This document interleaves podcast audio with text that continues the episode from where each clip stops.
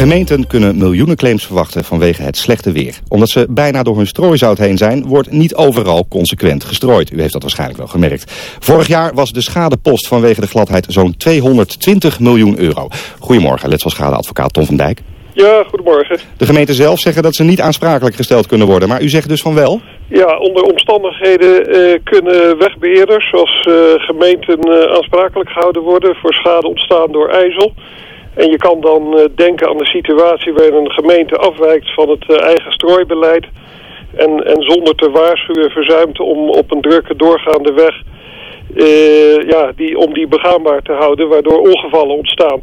En, en meer in zijn algemeenheid kun je zeggen dat als de wegbeheerder onvoldoende zorg heeft betracht bij het bestrijden van gladheid of het waarschuwen voor gladheid, dat die wegbeheerder daar dan eh, aansprakelijk voor gehouden kan worden. En u verwacht ook dat gemeentes overspoeld gaan worden met, met, met claims? Eh, dat zou heel goed kunnen als je kijkt eh, naar, naar het aantal ongevallen wat er, wat er toch plaatsvindt. En ik denk dat mensen nog altijd zullen kijken of ze hun schade ja, vergoed kunnen krijgen. Maar iedereen weet toch ook dat het glad is. Eh, enige zelfverantwoordelijkheid mag je verwachten van mensen ook? Dat is waar. Eh, ook de, de verwachting van de weggebruiker telt mee. Eh, maar dat neemt natuurlijk zeker de verantwoordelijkheid van, van gemeenten niet weg. Nou zijn wij toch verzekerd voor, voor eventuele schade en, nou ja, en letsel als je, als je in de problemen komt door de gladheid? Dat is maar zeer ten dele waar. Als je bijvoorbeeld ten val komt door ijzel... eh, dan worden je ziektekosten eh, naar verwachting weliswaar eh, betaald door de ziektekostenverzekeraar. Maar je kan met allerlei andere kosten geconfronteerd worden. Zoals de kosten van een, een huishoudelijke hulp. Je maakt kosten om, om artsen te bezoeken. En je hebt vaak ook recht op smartengeld. Ja. Voor, dat zijn de kosten waar de gemeentes aansprakelijk gesteld voor kunnen worden straks. Daar kunnen ze voor aansprakelijk gesteld worden. Je zou kunnen denken aan een automobilist die, die zijn auto alleen WA heeft verzekerd en, en die schade eh, dan wenst te verhalen. Een woordvoerder van de Vereniging Nederlandse Gemeenten zegt dat pogingen gemeenten aansprakelijk te stellen vorig jaar, toen we eigenlijk een beetje in een vergelijkbare situatie zaten, eh, mislukt zijn. Waarom zou dat nu dan wel lukken? Eh, nou, dat die steeds mislukt zijn, dat, dat is mij niet bekend. Er worden ook veel zaken geschikt. Dat houdt in dat er zonder erkenning van aansprakelijkheid alsnog een deel van die schade betaald wordt. En nogmaals, ik denk ook dat eh, ja, op gemeenten eh, toch de, de plicht rust om, eh, om, om de zorg te, te betrachten die, die je kan verwachten. En als ze daarin eh, tekortschieten, dan kunnen ze wel degelijk aansprakelijk gehouden worden. Ja, nog even weer die Vereniging van Nederlandse Gemeenten. We hadden daar gisteren een mevrouw van in de uitzending. En die zei, ja eigenlijk waren wij gewoon goed voorbereid. Dit zijn extreme weersomstandigheden. Dat hebben we ook niet helemaal in de hand. Ja, Niet onze schuld. Ja nou dat, eh, dat is een beroep op overmacht eh, wat dan eh, gedaan wordt. Ik denk dat dat niet snel opgaat, zeker dit jaar niet. En na het vorige jaar mag je toch verwachten dat gemeenten anticiperen.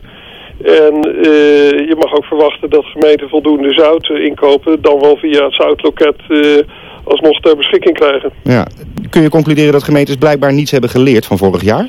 En wat vind je daarvan? Nou, dat in zijn algemeenheid kan ik dat niet zeggen. Maar het lijkt voor sommige gemeenten wel op te gaan. Als je ziet dat sommige gemeenten eh, nou ja, geen gram meer zout hebben besteld dan, eh, dan de jaren voorheen. Ja, en maakt dat de zaak ook makkelijker? Eh, dat Even wat betreft de dat claim dan? aspect kan zeker een rol spelen, ja.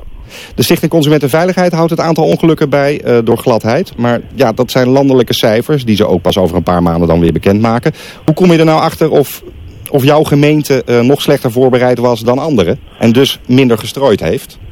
Eh, nou, dat zou eh, ja, bijvoorbeeld kunnen als er een, een plaatselijk meldpunt is, is opge, opgericht. Je zou ook informatie daarover kunnen vragen bij de gemeente zelf. Van die meldpunten is mij overigens nog niet veel bekend. Ik zou me kunnen voorstellen dat bijvoorbeeld eh, slachtofferhulp daar een, eh, een rol in zou kunnen spelen.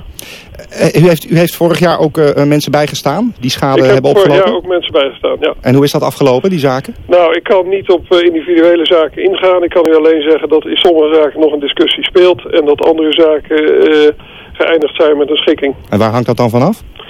Eh, nou ja, per eh, zaak wordt echt naar de concrete omstandigheden gekeken. Wat voor weg is het? Is het een doorgaande weg? Heeft de gemeente afgeweken van het strooibeleid? Eh, en zo ja, heeft de gemeente dan voldoende gewaarschuwd? Nou, als dat allemaal niet het geval was, dan zie je uh, toch vaak dat uh, de bereidheid bestaat om een schikking te treffen. Als u nou mensen uh, nou ja, zou moeten adviseren, wat zou u dan adviseren? Zou u zeggen begin een zaak of nou doe maar niet, want het is de moeite niet? dat hangt natuurlijk ook af van de, van de omvang van de schade, of dat de moeite ja. zal zijn. ik zou iedereen adviseren om, om zich in ieder geval te melden bij slachtofferhulp, om dan vervolgens doorverwezen te worden naar een professionele belangenbehartiger. Uh, die de kansen van, uh, van een zaak kan inschatten. Ja, hartelijk dank Tom van Dijk, letselschadeadvocaat. Oké, okay, graag gedaan.